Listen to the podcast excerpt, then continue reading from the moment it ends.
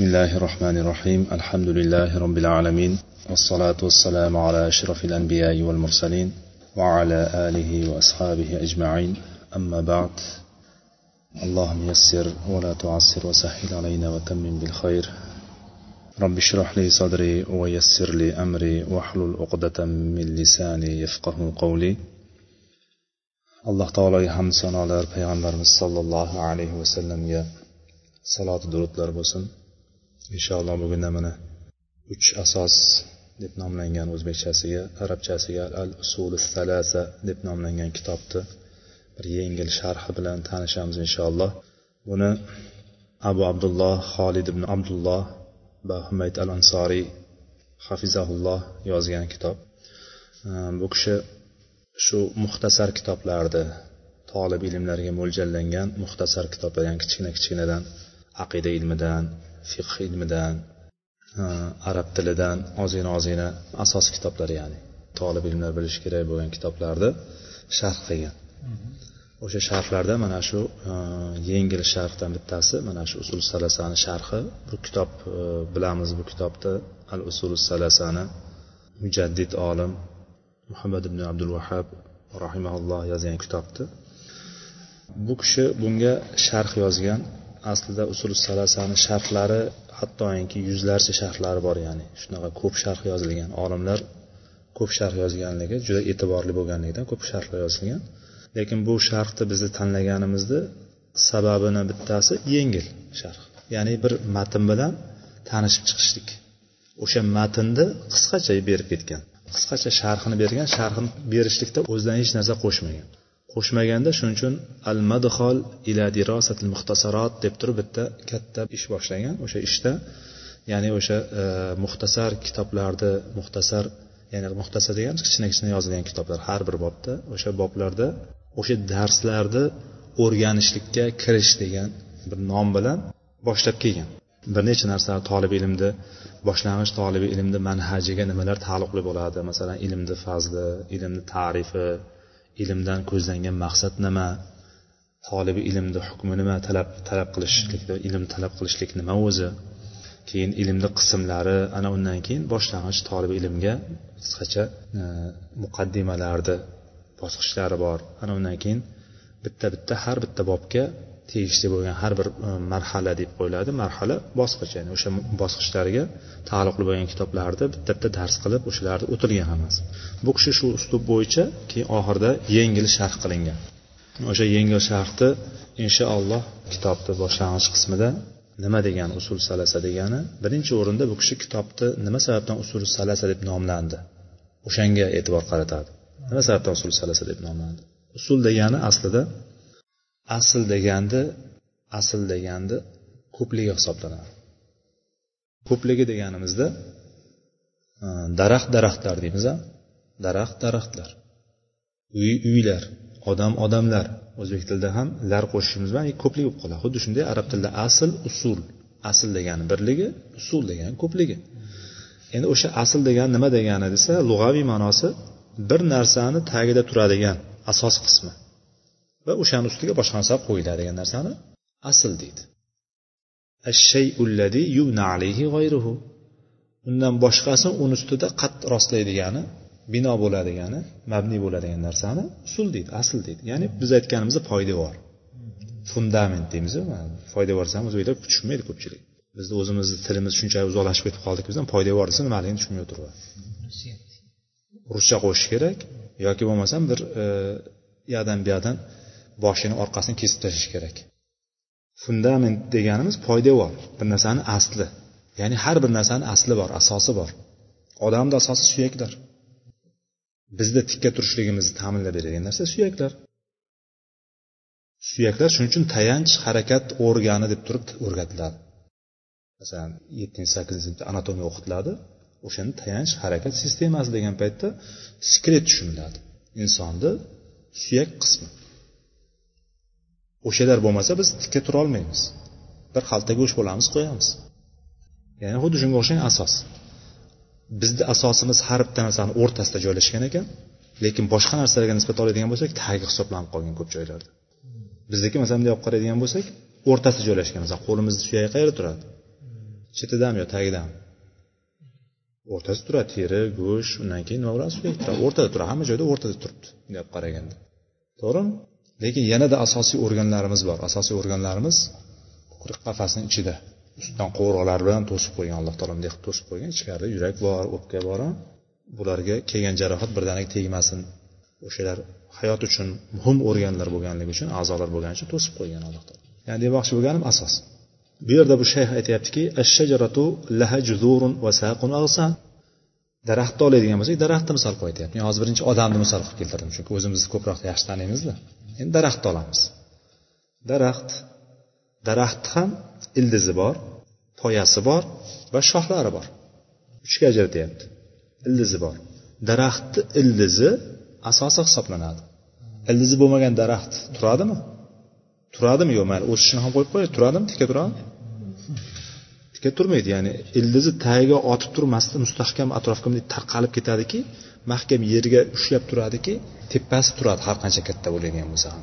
Bo'lmasam teraklarni tasavvur qilingda teraklarni terak ingichka ingichka deganim atrofda pastdan boshlanmaydi shoxi poya asosan poyada tepada bunaqa poya uzun turgan bir xodani tikka qilib qo'ysangiz o'zi turadimi xoda? Tasavvur qiling xodani tikka qilib qo'ying turadimi?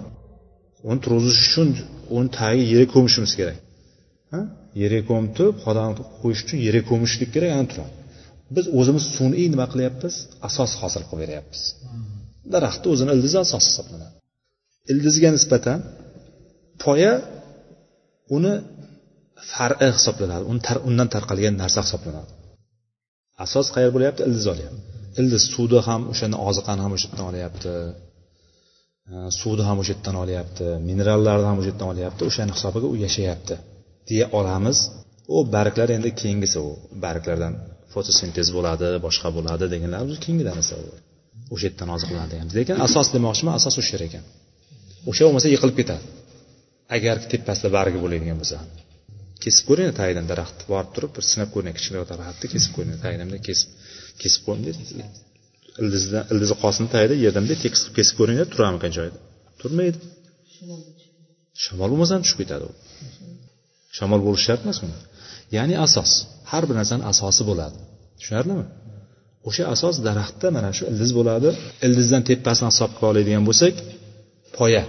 Poya ham asos bo'ladi. Nimaga? Shoxlarga asos bo'ladi.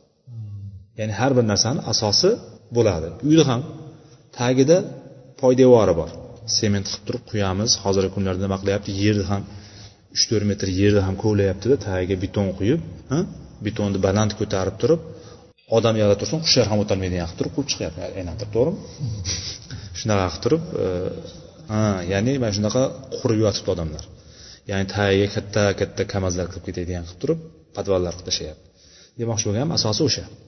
Agar yerga g'ishti yeb ketaversa u ertaga sho'r tortib turib yiqilib tushadi. To'g'rimi?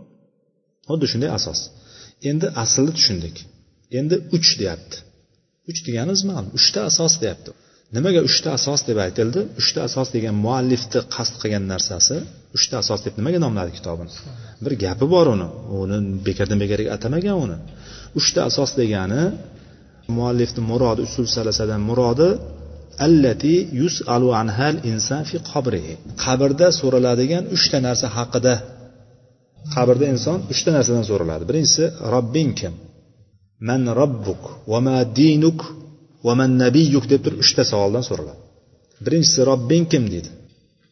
Ikkinchisi dining nima? Uchinchisi payg'ambaring kim degan uchta savol so'raladi. O'sha uchta so'raladigan savolni bu uchta asos deb turib nomladi. Ya'ni kitobni go'yoki bunday olib qaraganda mana shu uchta asosga dinni qolgan tarmoqlari shunga kirib ketadigan shunga bog'liq bo'lganligi uchun mana shu uchta asosni nima qilyapti? Uchta asos deb nomlayapti. Biz ollohni taniydigan bo'lsak dinimiz nima ekanligini biladigan bo'lsak va payg'ambarimiz kimligini biladigan bo'lsak mana shu uchalasiga asos hisoblanyapti. Qolgan narsalar undan tarqalgan tarmoqlar hisoblanyapti. Tarmoqlarni hammasi mana shu asosga kelib tarqaladi. Ya'ni dinimizni poydevorini mustahkam quramiz ustiga bu nima qilinadi? Xotirjam uy turadi keyin ustida. Xuddi shuni qasd qilgan deyapti. Va bu ikkita qismga bo'linadi kitob. Bu kitobni mana bu kishini sharhi bo'yicha ikkita qismga bo'linadi. Boshida bizga e, bu kishi sharhni shunaqa qilganki kitobni birinchi boshida mana hozir bizga tanishtirdi. Sarlavhasi nima ekanligini. Sarlavhasi bunaqa bunaqa deb turib bizga tanishtirdi. Endi kitob o'zi nimadan tashkil topgan? Hali o'qimasdan turib nimasi bor bu kitobni deganda kitob ikki qismga bo'linadi. Birinchi qismi uchta muqaddimadan iborat. Birinchi qismi. Uchta muqaddima bor. O'sha muqaddimani muallif qisqacha qisqacha uchta bergandan keyin ikkinchi qismida asli muallif qasd qilgan shuning uchun yozilgan mavzu haqida gapiradi keyin uchta asos haqida keyin gapiradi.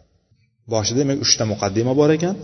Ana undan keyin usul salasaga uchta asalga birinchi mujmal tarzda kiriladi. Mujmal deganimiz ya'ni tafsilot bermasdan bunday bunday deb sanaydi. Undan keyingisi batafsil tafsilot bilan gapirib beradi demak birinchi qismga kiramiz. Bismillahi rohmanir rohim al muqaddimatul ula birinchi muqaddimaga kirdik. I'lam rahimakalloh أنه يجب علينا تعلم أربع مسائل الأولى العلم وهو معرفة الله ومعرفة نبيه ومعرفة دين الإسلام بالأدلة الثانية العمل به الثالثة الدعوة إليه الرابع الصبر على الأذى فيه والدليل قوله تعالى بسم الله الرحمن الرحيم والعصر إن الإنسان لفي خسر إلا الذين آمنوا وعملوا الصالحات وتواصوا بالحق وتواصوا بالصبر بسم الله bilan boshlagandan keyin muallif rahimaulloh aytdiki alloh seni o'zini rahmatiga olsin shuni bilginki ma'luming bo'lsinki deb turib gapni boshladi birinchi duo bilan boshladi Yalam deb turib rahimakalloh dedi alloh seni rahmatiga olsin deb turib tolibi ilmga allohdan rahmat so'rab turib boshladi dediki bizga to'rtta masalani to'rtta masala arbau masail to'rtta masalani o'rganishlik bizga vojibdir. Bizni ustimizda to'rtta vojib narsa bor ekan to'rtta farz narsa bor ekan. Bu biz musulmonman deb o'zimizni bilgan yoki butun insonlarga nisbatan oladigan bo'lsak ham butun insonlarga to'rtta narsa vojib narsa bor ekan. Buni birinchisi ilm. Birinchisi ilm. Va ilm qaysi ilm degan savol tug'iladi odamlar masalan keyingi paytlarda shar'iy ilm e, yoki dunyoviy ilm kerak bo'lsa hozir ajratish kerak emas ilm deganda hammasi kirib ketadi deganlar ham bor. Hamma har xil gapni gapiradi. Lekin ilm deb turib bu kitobni yozayotgan paytda muallif rahimaulloh aytyaptiki va huva ma'rifatulloh. Shariy ilm ilm nima ekan? Ollohni ma'rifati. Birinchisi olloh tanishlik. Ikkinchisi ma'rifatu nabiyihi payg'ambarini tanishlik. Uchinchisi ma'rifatu dinil islami bil adilla islom dinini dalillar bilan bilishlik. Mana shu ilm hisoblanadi. Ya'ni bunday olib qaragan paytda ilm deganda nima tushunar ekan? Shar'iy ilm tushunar ekan. Shar'iy ilm bo'lmasa allohni biz dunyo ilmi bilan taniy olamizmi? Hargiz taniy olmaymiz. Payg'ambarimizchi islom dininichi islom dini biologiyada o'rgatadimi? Ximiyada o'rgatadimi? Yo fizikada o'rgatadimi? Yo matematikada o'rgatadimi? Ular faqatgina dalolat qiladi o'shalarni shunday ekanligini ya'ni bir borliqda yakka boshqaruvchi yakka xoliq yakka roziq bor ekanligini yaratuvchi bor ekanligiga ishora qiladi ular faqat. Lekin biz ishoralar bilangina bila olmaymiz uni. O'sha ishoralar bilan bilmaganligimiz uchun biz olloh tanishlikka nima bilan? Vahiy bilan bilishligimiz kerak biz. Vahiyni bizga vahiy kelmaydi. Vahiy payg'ambarga kelgan payg'ambarlarga kelgan. O'sha payg'ambar orqali biz bilamiz. Tushunarlimi? Demak ilm deganda nimalar chiqar ekan ilm deganda olloh tanishlik payg'ambarni tanishlik dini islomni dalillar bilan bilishlik. Demak ilm shu ekan. Birinchi vojibimiz ekan bu. Birinchi farzimiz bo'ynimizdagi farz demak birinchi mana shu narsani bilib qo'yishligimiz kerak ekan biz musulmonman davo qilyapmizmi? Biz birinchi o'rinda mana shularni qilishligimiz kerak bilishligimiz kerak. Bilishlikka hamma majbur. Ikkinchisi al amalu bihi. Endi dinni bilib qo'ydik. Ha shunaqa ekan alloh taolo bitta ekan. Alloh taolo yolg'iz ekan u xoliq ekan roziq ekan rohman ekan rahim ekan. Muhil mavda o'liklarni tiriltiruvchi hammaga ruhni beruvchi alloh taolo yakka yolg'iz ekan deb turib hamma narsani aytgandan keyin lekin amalga ko'chmaydigan bo'lsak amalga ko'chmaydigan bo'lsak bu hech narsa bo'lmaydi. Ya'ni amal qilishligimiz kerak biz uchinchisi ad davatu ilayhi. Endi shu da'vat qilishlik. Uchinchisi o'shanga da'vat ilmga da'vat qilishlik. Birinchisi ilm ikkinchisi o'sha ilmga amal qilishligimiz kerak uchinchisi ilmga da'vat qilishligimiz kerak. Va to'rtinchisi bo'ladigan bo'lsa as sobru alal ada fihi. Endi o'sha yo'lda bizga aziyatlar keladigan bo'lsa ozorlar yetadigan bo'lsa o'sha ozorlarga sabr qilishligimiz kerak. Mana shu to'rtinchisi ekan va bunga muallif rohimaulloh dalil keltirdi. Alloh taoloni quyidagi so'zini ya'ni oyatni surani keltirdi bitta surani asr surasini keltirdi. Val asr deb turib alloh taolo asrga qasam ichdi. Asr vaqtiga qasam ichdi. Yoki asr namoziga qasam ichdi yoki umuman bir zamondan bir bo'lagiga qasam ichdi ya'ni. Alloh taolo bir narsaga qasam ichmaydi magaram o'sha qasamida agar o'shani qadri ulug' bo'lsagina qasam ichadi alloh taolo. Tushunarlimi? Bu alloh taologa xos bo'lgan narsa. biz asrdan qasam icha olmaymiz biz kechardan qasam icha olmaymiz biz quyosh bilan qasam icha olmaymiz والشمس وضحاها والليل إذا يغشاها والعصر والضحى والفجر bular val val deb kelayotgan hammasi nima bo'ladi vattin va zaytun bular hammasi nima qasam hammasi bu buni kim ichyapti alloh taolo aytyapti qasam bilan bu qasamdan maqsad Bizga o'shani qadrini ko'rsatishlik o'shani ulug' ekan narsa ekanligini ko'rsatishlik. Tushunarli bo'lyaptimi? Alloh taolo qasam ichdida qasam ichgandan keyin har doim orqasidan muhim narsa keladi. Bizni dunyo va oxiratimiz uchun muhim bir narsa keladi qasamdan keyin. Alloh taolo innal insana lafi husr dedi. Insonlarni barchasi hamma inson menman degani ham badavlati ham kambag'ali ham quvvatlisi ham ilmlisi ham ilmsizi ham biluvchisi ham bilmaydigani ham deb qaraganda chiroyli ko'rinishda bo'lgani ham kim bo'lishidan qat'iy nazar? Hamma insonni alloh taolo bitta o'ringa qo'ydi. Ular ziyondadir dedi. Qasam bilan aytdi alloh taolo. Qasam bilan va ta'kid bilan aytdi. Alloh taolo aytdiki inson hammasi ziyonda. Endi shu yerda o'tiribdi hamma ziyonda ekan. Alloh taolo bandalariga rahmli zot emasmidi alloh taolo bandalariga mehribon zot emasmidi alloh taolo o'zini nafsiga rahmatni vojib qilgan zot emasmidi alloh taolo o'zini g'azabidan rahmatini ustun qo'ygan zot emasmidi deb kelib chiqadi. Albatta shunday. Orqasidan javob keladi. Illalladina amanu va amilus solihati va tavasav bil haq va tavasav bis sabr. Demak o'sha ziyondan chiqadiganlar kimlar ekan? Magaram shular ziyonda emas deb turib alloh taolo butun insonlarni ichidan bunday go'yoki ayirib oldi ajratib oldi. Shunaqa bir joy borki shunda hammasini bir haydab borgan paytda ushlaydigan ilmoqlar chuqurlar hammasini ushlab ushlab olyapti lekin o'rta bittasi ketyapti davomli o'tib ketyapti. Tasavvur qilyapti bu tarafi dunyo nari tarafi jannat. Qirg'oq nari tarafi jannat. Lekin yo'lni ostimiz do'zax. Sirot shunaqa quriladi. O'tib borilayotgan paytda ilmoqlar bo'ladi deydi ilib qoladigan. Hali tikka turib olish hali bir gap endi yurish bor asosiyda hali tikka turolmaydigan qancha odam bo'ladi turmasdan turib tushib ketadigan. Nauzubillah alloh saqlasin. Demoqchi bo'lgani mana shunday yurib ketilaveradi atrofdan ilib qoladigan dunyo bor mol bor mol dunyo bor ayollar bor hamma narsa bor. Oltin kumush bor hamma narsa bor. O'zini damiga o'zini chohiga tortib ketadigan hamma narsa bor. Lekin o'shandan chiqib qoladigan birinchi kishilar iymon keltirganlar. Mo'minlar mo'minlar deb turib alloh taolo to'xtadimi? Yo'q davom etdi. Ikkinchi sifat bor mo'minlarni o'sha najot topadigan ziyondan chiqadigan insonlar ikkinchi sifati bor. Amilus solihat solih amal qilganlar. Solih amal qiluvchilar dedi. Va undan keyin bil haq haqqa tavsiya qiladigan haqqa chaqiradiganlar. Haqni bir biriga tavsiyalar qiladigan bir biri bilan nima qiladigan? O'zaro bir biriga yetkazadigan. Va bis sabr va to'rtinchi sifati va sabrlashadiganlar bir birini sabrga chaqiradiganlar bir birlariga sabr tavsiya qiladiganlar to'rtinchi sifat. Demak mana shu to'rtta sifat hammasi birda jamlanadi ana o'shanda inson ziyondan chiqadi. Mana shu muqaddimani berdi. Mana shu muqaddimani aytyaptiki bu masala shunaqa bir masalaki dinda hammasini o'z ichiga olib ketadi.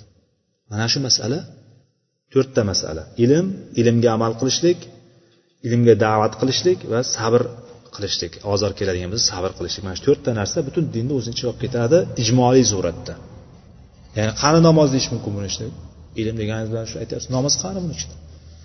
Namoz ham kirib ketadi o'sha islomni ichiga deydigan bo'lsa bo'lmasam namozni vaqtlari qani deyish mumkin. Tahorat aytilmagan bu yerda bu aytilmagan u aytilmagan degan savollar chiqaverishi mumkin lekin dinda asli mana shu. Uni ichiga tafsilotlariga batafsil ichiga kirib ketishlik uchun hali kiriladi. Vaqti keladi kiriladigan lekin biz dinda mana shu ijmoliy suratda mana shu. Shuning uchun birinchisi ma'rifat dedi ma'rifat dedi. Lug'atda ma'rifat degan tanishlik degan. Bilishlik tanishlik. Yaxshi bilishlikni ma'rifat deydi. Arofa so'zidan olingan. Bilmoq degandan. Muallif aytdiki o'sha ma'rifatni ma'rifatulloh va ma'rifatu nabiyihi va ma'rifat din islam bil adilla deb aytdi. Bundan ko'zlangan maqsad adilla degandan maqsad dalillar degandan maqsad dalillar kitob va sunnatdagi kelgan tekstlar matnlar hisoblanadi. Kitob va sunnatda kelgan dalillar hammasi kelgan ma'lumotlar bular dalil hisoblanadi. Kitob va sunnatdan va uchinchi o'rinda ijmo keladi. Ana endi ijmodan keyingisi ya'ni bu uchalasida ixtilof yo'q ya'ni. Kitobdan qur'ondan sunnatdan va ijmodan. Ulamolarni ijmosi ham mana shu ikkalasida kelgan narsani ustida bo'ladi. Ular ham o'zi alohida narsa boshqa yoqdan olib kelmaydi.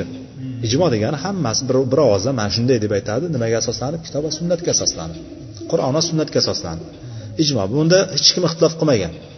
To'rtinchisi qiyos bor.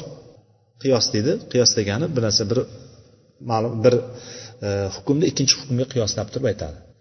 U narsada ixtilof bor to'rtinchisida lekin mana shu uchtasida ixtilof yo'q. Bu yerda bu kishi aytyaptiki hattoki ikkitasiga dalillar bilan deganda islom dinini dalillari bilan bilishlikni kitob va sunnat ya'ni qur'on va hadis bilan bilishlik deb aytyapti. Tushunarli endi shu amal qilishlik degan paytda ilmga amal qilishlik ya'ni. Ilmga amal qilishlik mana shu taqozo qilgan narsasi. Allohni ma'rifati payg'ambar sallallohu alayhi vasallam ma'rifati yoki shu e, din islomni dalillarini bilgandan keyin o'z o'zidan taqozo qiladi amal qilishligimiz. Olloh bitta ekan olloh yagona ekan olloh rizq beradi ekan olloh tiriltiradi ekan olloh o'ldiradi ekan hamma ishni olloh boshqaradi ekan mulkni olloh beradi ekan degan hamma narsani bilaverganimiz bilan uni bizni bilishligimiz nimani nimani ko'paytirib nimani kamaytirib qo'yadi? Hech narsa ko'paytirib hech narsa kamaytirmaydi agar hech narsani ha shunaqa ekan ha shunaqa ekan qalbimda bor degan hech narsa chiqmaydi.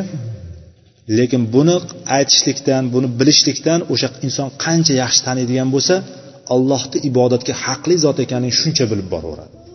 Allohni qancha yaxshi tanisa shuncha ibodatga nimasi bo'ladi?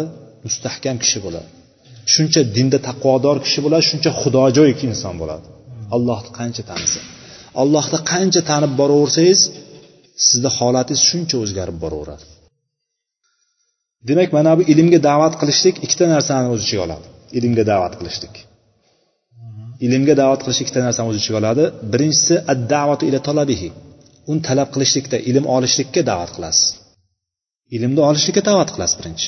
Ey ilm olinglar ilm olishlik kerak ilm olishlikni ziyondan chiqadigan bitta narsa ekan bu deb turib ilmga da'vat qilinadi. Ana undan keyin da'vatni ikkinchisi amal qilishlikka da'vat qiladi. Bir narsani o'rgataversada sizga deylik matematikani. Matematikani o'rgatyapti. Arifmetikamidi geometriyamidi qaysi qism bo'ladigan bo'lsam o'rgatdi o'rgatdi domla sizga. O'qituvchi o'rgatdi o'rgatdi so'ramasa hech narsani. Hm? Hech narsani so'ramaydigan bo'lsa nima bo'ladi? Ha? Hech narsani o'rgatmaydigan bo'lsa so'ramaydigan bo'lsa u qiziq bo'ladi u. Hech narsani so'ramasa darsni o'rgatib o'rgatib o'rgatib o'tib ketaversa. Imtihon qilmasa u qiziqda endi bu. Ha endi shu bilan nima qilinadi ekan? Da'vat qilinadi ekan. O'sha da'vat da'vat qilishlik ikkita narsa bilan o'z ichiga oladi ekan ikkita narsani. Ikkita narsadan bittasi uni talab qilishlikka ya'ni ilm olishlikka chaqirasiz undan keyin sabr qilishlikka chaqirasiz. Sabrga emas nima? O'sha amal qilishlikka chaqirasiz. Amal qilmasa ilm ilm bo'lmaydi. Undan keyin agar u kishi chaqirilayotgan odam johil bo'ladigan bo'lsa ya'ni ilmsiz kishi bo'ladigan bo'lsa ilm olishlikka chaqirasiz. Ilm ol ey deb ilmga chaqirasiz. Agar u olim bo'ladigan bo'lsa amalsiz qilgan o'rgangan narsasiga amal qilmaydigan bittasi bo'ladigan bo'lsa uni amalga chaqirasiz.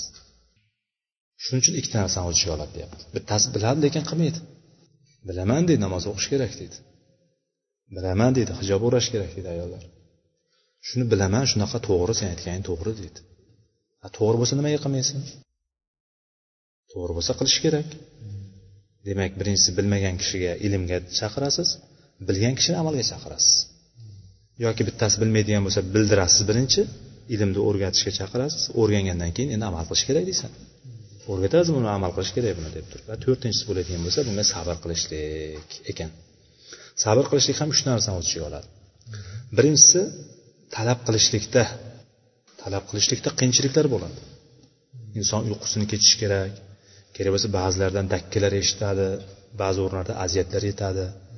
Ilm olayotgan paytdagi ozorlarga sabr qilinadi birinchisi. Ikkinchisi amal qilayotgandagi ozorlarga sabr qilinadi ekan. Amal qilayotganda ham oldindan qancha qarshiliklar chiqadi. Maktabda o'qiydiganlar bo'lsa maktabda darsdan chiqolmaydi ozorlar keladi namoz o'qitmaydi. Yo bo'lmasam boyagi ish ishda ishlaydiganlar bo'ladigan bo'lsa ishda ham faqat namoz o'qiydigan bu deydi. Namozga ruxsat beradigan ham bunday qaraydida namoz o'qisa butun vaqtini shu namozni o'tkazib yuborayotganda faqat namoz o'qiydi bu deydi. Shunga o'xshab turib har xil nima bo'ladi? Amal qilayotganda ozorlar keladi aziyatlar yetadi. Bunga sabr qilishlik. Uchinchisi bo'ladigan bo'lsa da'vat qilganda chaqirgan paytda ozorlar keladi. Bunga sabr qilishlik. Demak sabr o'zini ichiga nechta narsani uchta narsani ichiga olyapti. Bunga dalilni muallif rahimaulloh to'rtta narsani keltirdi. Mana shu aytgan gapiga ilm ilmga amal qilishlik unga da'vat qilishlik unga ozorlarga sabr qilishlikka to'rt mana shu dalil keltirib dalili mana shu asr surasi edi. Asr surasidagi kelgan to'rtta narsani bu yerda insonlarni hammasini zalolatda insonlar hammasini ziyonda ekanligini zikr qilib turib iymon keltiruvchilarni birinchi ilm deb atadi u kishi. Ilmda aytdikku ma'rifatulloh ma'rifat nabiyi ma'rifat din islam bil adilla dedik. Uchta narsani o'z ichiga oladi undan keyin amilu solihatini amal qiluvchi amal qilishlik deb atadi. Haqqa chaqiruvchilarni bu yerda ilmga chaqiruvchi deb aytadi va sabrga chaqiruvchilarni ozorlarga sabr qilishlik deb atadi. Inshaalloh shu yerda to'xtaymiz. Keyingi darsdan davom etamiz. Subhanakallohumma bihamdik. Ashhadu an la ilaha illa anta astag'firuka va atubu ilayk. Va axiru alhamdulillahi robbil alamin.